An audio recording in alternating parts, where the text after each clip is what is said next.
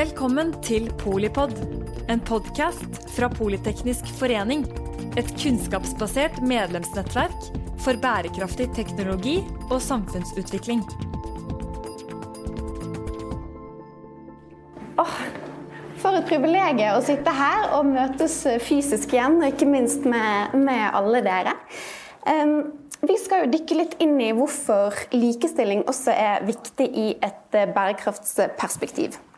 Vi skal snakke litt om hvorfor vi trenger flere kvinnelige gründere og investorer som kan drive frem og investere i løsningene vi trenger for å omstille oss til et nullutslippssamfunn.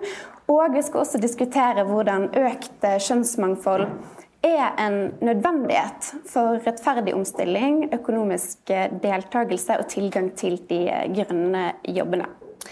Og med meg på scenen her så har jeg tre damer som har satt veldig imponerende avtrykk, om jeg må si det selv, som gründere, investorer og ledere innenfor maritim sektor og den sirkulære økonomien.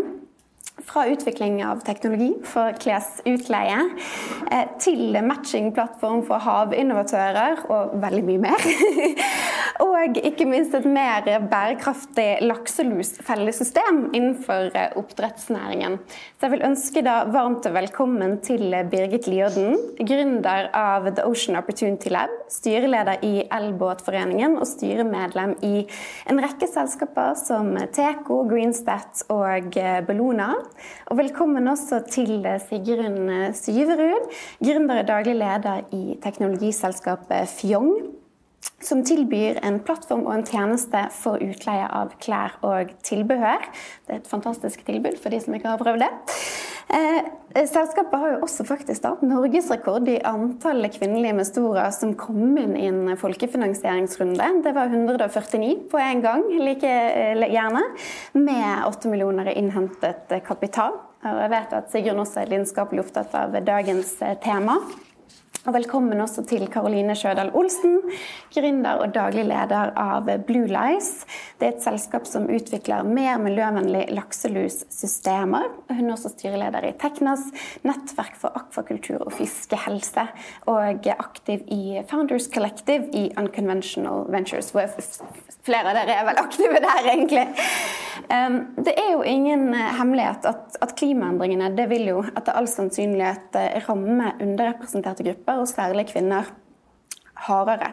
Eh, kanskje mindre diskutert er det at dagens tilnærming til bærekraftig omstilling eh, ikke nødvendigvis fremmer likestilling og, og kvinners eh, stilling i, i, samfunnet. Her måtte jeg ta frem litt uh, tall, jeg òg. Det er viktig å ha med seg.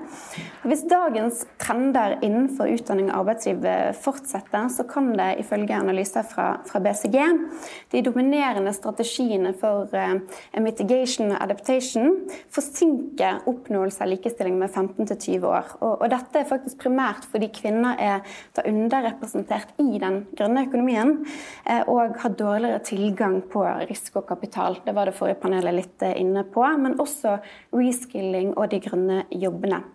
Og Samtidig så vet vi at økt mangfold kan utløse et vell av verdier. ikke sant?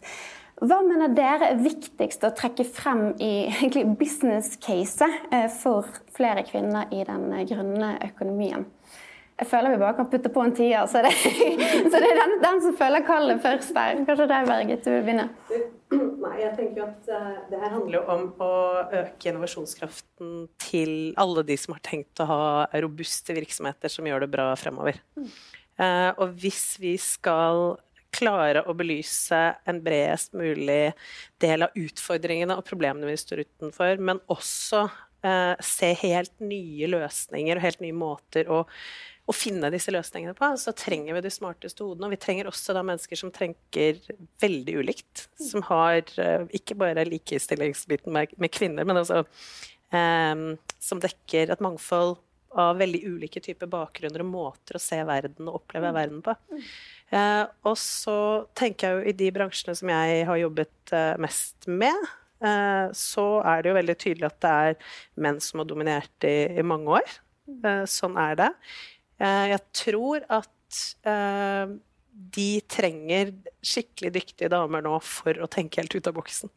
Så du trenger egentlig noen som kan plukke fra hverandre legobyggene og så sette den sammen igjen på helt nye måter. Uh, og så så jeg når jeg kom inn i litt mer sånn tech-startup-miljø i Oslo, at det er jo ikke noe bedre der. Som er jo på en måte litt, litt trist når man tenker at dette er den nye generasjonen, folk tenker annerledes. Så, jeg tror det her er litt sånn et felt vi er nødt til å ta og adressere sammen uh, over hele linja. Men jeg tror det er veldig viktig å, å ta business case-fokuset på det framfor bare hva er på en måte det softe og mer rettferdige. Læreren som har noe tilføye til business case. Altså, jeg er veldig enig der, og veldig mye heller ha fokus på, på måte, mulighetene som ligger der. For mm tross alt de eh, kvinnene sånn som har fått eh, tilgang på kapital og har bygd selskap, så har de vist at de bygger like gode selskap, hvis ikke bedre. Mange av de har bedre inntjening og eh, holder lenger ut enn eh, de mannlige gründerne. Så det er også noe Det er ikke noen grunn for at det skal være skjevfordelt. Og også en ting som jeg syns var veldig interessant, det var en artikkel i Harvard Business Review som hadde fokus på det her. At gjerne går litt på den uh, ubevisste igjen. At kvinner får uh, spørsmålene gjerne veldig, veldig negativt ladd i investormøter. Så istedenfor å spørre sånn, hvordan skal du lykkes, hvordan skal du slå konkurrentene, så får du mer den ja, men Kan ikke noen bare komme og stjele den ideen? Kan ikke noen bare bygge den uh, i morgen? Uh, så, så, jeg syns viktigheten er også av å belyse de tingene vi må faktisk ta tak i og gjøre noe med. Mm. For det er ikke noen grunn til at vi ikke skal ha egentlig 50-50 i den kapitalfordelinga. Jeg syns nesten det høres litt sånn uintuitivt ut, rett og slett. Når man snakker om den grønne økonomien, så tenker jeg nesten at det er mer nærliggende at den vil da domineres av kvinner, hadde jeg tenkt, uten å se nærmere på tallene. fordi kvinner kanskje ofte har et mer helhetlig måte å tenke på. At de er også kanskje altså, tenker nettopp på den, det ansvaret, og ikke bare på um, nødvendigvis profitt, men også at det skal være en god altså Selvfølgelig det også, men også at det skal være en bedrift hvor det er på en måte andre verdier da, som oppfylles. At kanskje kvinner er mer verdidrevet. Det her er bare min på en måte jeg har ikke noe tall på det, men um, at det høres litt sånn uintuitivt ut. Og så tror jeg både som både Karoline og Birgit sier, at, um, at det å på en måte jobbe med det, de ubevisste fordommene, og eh, også som det forrige panelet var innom, den selvkritiskheten At mm. det er jo noe tror jeg mange kjenner seg litt igjen i, men så viser jo mange undersøkelser at kvinner verken er dårligere gründere eller dårligere ledere. Tvert imot. Og det å på en måte være med på å kanskje gjøre den kunnskapen mer kjent. Da, og nettopp gjennom sånne, eh, At det blir litt sånn allmennkunnskap. At jenter og kvinner føler at de kan være vel så gode gründere og ha vel så mye å komme med, tror jeg kan også være viktig for at de å, eh, ja, skal også kunne liksom selge seg en godt da, til eh, når det er ansettelsesprosesser. Mm, og så tror jeg Et annet eh, element som er kjempeviktig nå, det er jo at nå sitter vi og jobber og bygger selskaper innenfor en uh, forrige generasjons strukturer. Så det jeg tror vi er nødt til å få til nå, så er jo at vi må på en måte hacke og outsmarte det litt. og da, da nytter det ikke bare å tilpasse seg til de systemene, men da må vi jo rett og slett gå sammen, mange av oss, og bygge ny systemforandring. Det tror jeg er et utrolig viktig grep for å klare å endre den ubalansen. Mm. Det er veldig sånn, bare legge til fort Unconventional Ventures, som vi er med i alle sammen, de ser jo eh, på en måte et business case i det å investere i underinvesterte cases. Mm. At man da kan få en på en måte nesten bedre pris på aksjene, for det er ikke like mange som vil investere. At det faktisk er en liten mulighet. Så det er jo ja. også noe å tenke på. Altså, en fin eh, Segway inn til neste spørsmål. For det har jo de siste ukene vært mye fokus på eh, fraværet av kvinnelige toppledere i Norge gjennom Arne-kampanjen. Vi setter jo også fokus på det her i dag, og, og det er det utvilsomt enormt viktig å sette fokus på. Eh, mens i konteksten av kvinnelig gründerskap så er det også et, et stort underskudd når vi ser på andelen kvinnelige gründere, særlig i vekstselskaper. Andelen kvinnelige gründere i Norge er rundt 30% men ser man på de innovasjonsdrevne høyvekstbedriftene, så ifølge da eh, Norsk Venturekapital sin database over, over de bedriftene som har venturefond på eiersiden, så er det tallet 4 eh, Så det er jo utrolig Eh, lavt. Og Det er jo de innovasjonsdrevne høyvekstbedriftene som også blir helt kritiske når vi skal omstille eh, energisystemer, vi skal omstille hele industrier og, og, og klimaløs, skape klimaløsninger som også har eksportpotensial. Eh, og man ser at fra veien fra idé til bedrift med vekstpotensial, så, så, faller mange gründere av sånn generelt over hele linjen. Men særlig kvinner forsvinner på den veien der. Hva tror dere er den viktigste årsaken til eh, det? Og hvordan kan man styrke de andelen liksom, kvinnelige vekstentreprenører særlig? Ja, Der tror jeg at det er en kjempeviktig nøkkel å få koblet gründerne mye mye tettere med familieeide og tunge, store, langsiktige investorer. Mm. For der tror jeg at du bare får en, en forsterkende effekt når du ser på de kanskje litt mer sånn kortsiktige WC-ene og de mer rent profittorienterte aktørene der ute. Eh, så tror jeg at hvis du i større grad eh, klarer mye mye tidligere å koble gründerne tettere på de som også er brukerindustriene, kundemarkedene deres, så kan de styrkes på en måte hvor du både kan tilføre smart kapital, langsiktig kapital med samme type verdier, og hvor du har en match mellom da kunde- og brukerløsningene, og de som utvikler løsningene. Så det tror jeg faktisk er eh, helt essensielt at vi får til i Norge særlig, hvor vi er så små og få. Veldig viktig poeng. Jeg er veldig enig. og se mer langsiktig. Altså for det vi ser, i hvert fall når man skal ut og hente kapital som eh, gründere nå, og spesielt i selskaper som du ønsker å ha denne veksten da, og klare å få et sånt unicorn-case, gjerne, eh, så tenker gjerne investoren bare tre til fem år eh, frem, og så skal de ha gevinst på den kapitalen.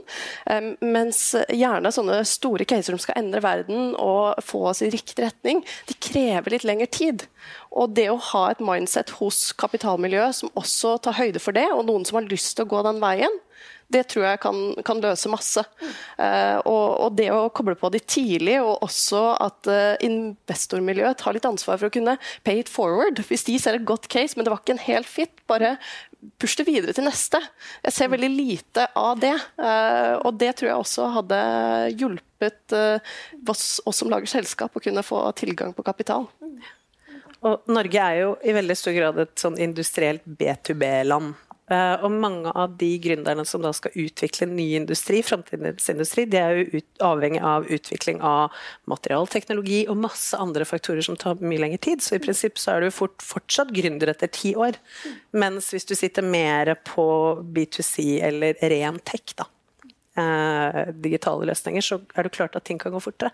Og jeg tror det også er noe vi er nødt til å bygge en modenhet og bygge et robust økosystem rundt og støtte opp da de som faktisk skal bygge eh, det neste Hydro eller eh, store industrielle lokomotiver fremover.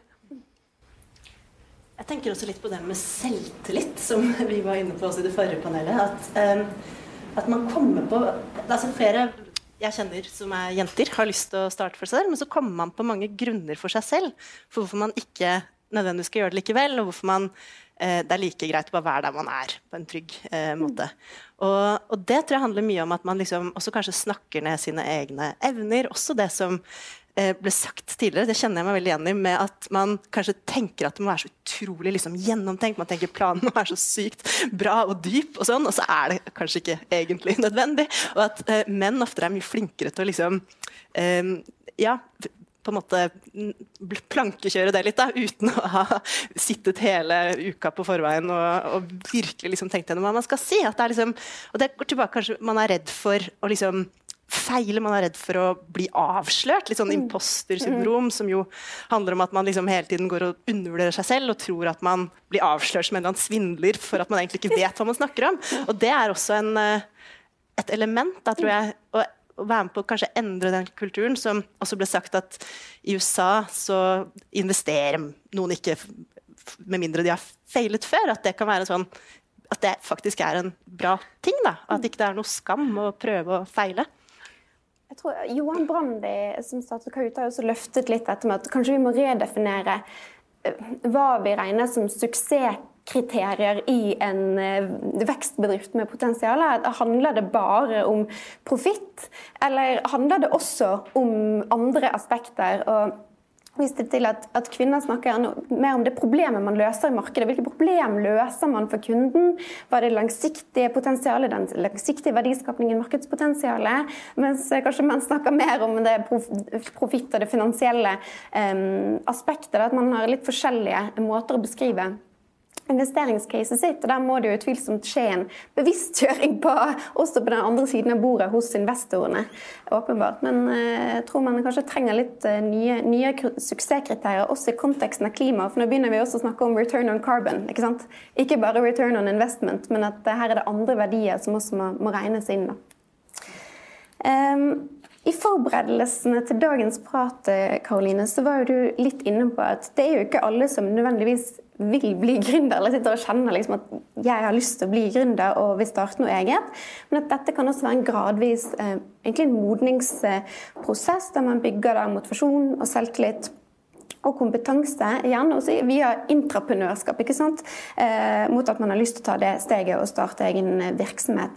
Kan du utdype litt om, om, hvordan den reisen var for deg, og også om det er erfaringer som du tenker kan, eh, kan være muliggjørende for andre? Vi var litt inne på dette med mentorskap osv. Mm. Derfor jeg begynte å, å, tenke litt i forkant av, av, den samtalen her. Hva var det som fikk meg til å tørre å, å starte en bedrift, og hva var det som eh, gjorde at jeg turte å hoppe i det? Og diskuterte også med andre kvinnelige gründere jeg kjenner, og vi, vi, vi, fant ut det at det, det, var gjerne at man ble vist litt hvordan man kunne gjøre det. Vist muligheten. Så for min del så startet jeg i et gründerprogram hvor jeg så Oi, var det så lett å starte et selskap, et AS? Og det var liksom, du, fikk, du fikk en sånn eh, hjelpende hånd som gjorde at eh, du fikk den selvtilliten da, til å kunne bare hoppe litt i det. Og det har jeg ikke sett. Jeg har sett masse suksesshistorier hvor folk blir vist uh, veldig kule selskaper og ser hvor langt de har kommet, men veldig lite av dem. Hva er det, hva er det som kan, skal til redd praktisk for å komme i gang og bygge et selskap, sånn at du ikke får de der unnskyldningene for deg selv med sånn nei, jeg kan sikkert ikke det, jeg må sikkert være helt, helt perfekt. Så, så, det var noe som jeg reflekterte mye rundt. at uh, Jeg så også på denne regjeringen sin kvinnelige handlingsplan for kvinnelige gründere. Og rundt at eh, man fikk med masse, masse fine kvinner i E-Max-programmet, i ungdomsbedrift. Men så var det mindre og mindre som kom liksom inn gjennom virkemiddelapparatet og fikk liksom innovasjonskontrakter og sånne ting. Og da tror jeg det å kanskje løfte mulighetsrommet som ligger der, og vise at dette her er noe som, som, som du kan gjøre, i hvert fall prøve, og da også få lov å feile, at det også er lov. Det tror jeg er viktig å, å vise. da. Så tror jeg også det, det finnes jo mange mer, jeg tror Akkurat sånn som med Ungt entreprenørskap, det å introdusere entreprenørskap tidlig, tidligst mulig, i skolen, sånn at det blir noe man er klar over og bevisst på. Det er viktig. Men jeg tror også at eh, vi som byggeselskaper har et viktig ansvar der, fordi vi kan ansette flinke folk, gi dem medeierskap og på en måte dyrke fram den neste generasjonen av kanskje de fortsetter å være med oss, kanskje de får inspirasjon også til å bygge eget, at de også da etter hvert sitter med en eierpost som kan konvertere, sånn at du sitter med en nødvendig kapital som skal til. For det er jo også en av de store utfordringene at for det første har du ikke vært eh, eksponert for at det er en vei å gå å bli gründer.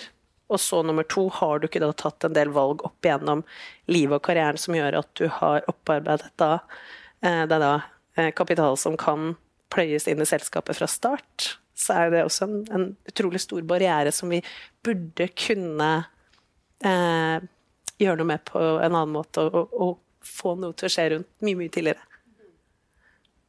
Jeg tror veldig på det med altså, gründerskolen og, og, de programmene. Det er ikke tilgjengelig for alle, kanskje. Men det å, altså, det å ha gode forbilder tror jeg har mye å si. Det at man kan eh, være på en måte gründer på, på sin måte. Da.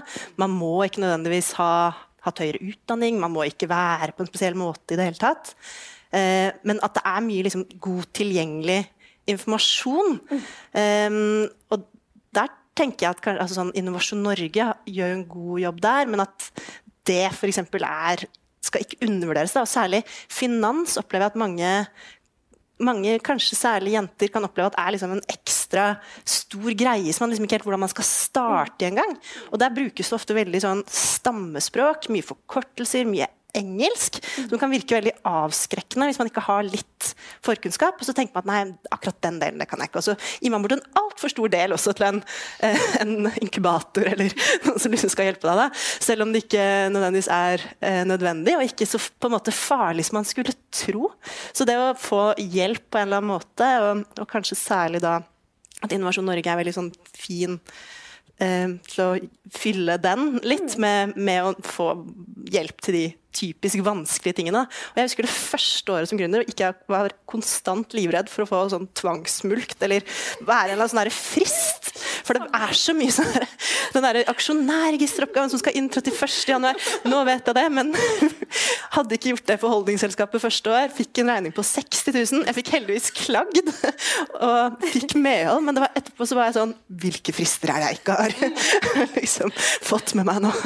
Og du, men der vil jeg bare si at jeg har et lite sånn hack der som jeg tror kan være kjempefint også for uh, gründere som da ikke har vært gjennom hele den reisen før. Og det, det, ene er jo alt det som finnes rundt der. Men i dagens samfunn så har vi også fantastisk masse mennesker som ikke får brukt seg lenger fordi de har gått ut på dato i forhold til hva AS Norge sier at hvor lenge man kan jobbe.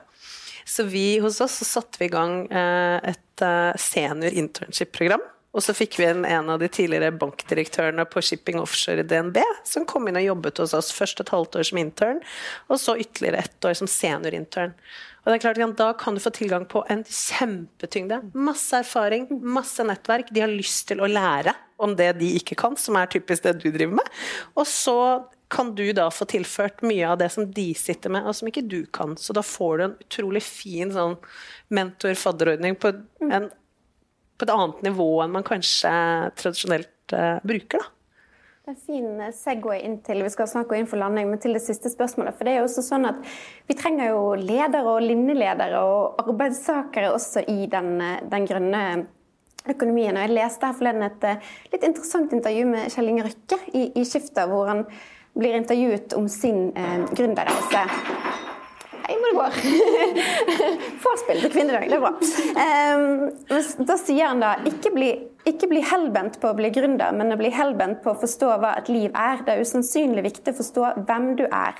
Alle blir ikke gründere eller skal bli gründere, men alle vil, bør bli meningsfulle arbeidstakere som gjør meningsfulle ting. En dynamisk arbeidsplass kan være like interessant som å være gründer. Så jeg skal bare touche litt inn på ledelsesperspektiv også.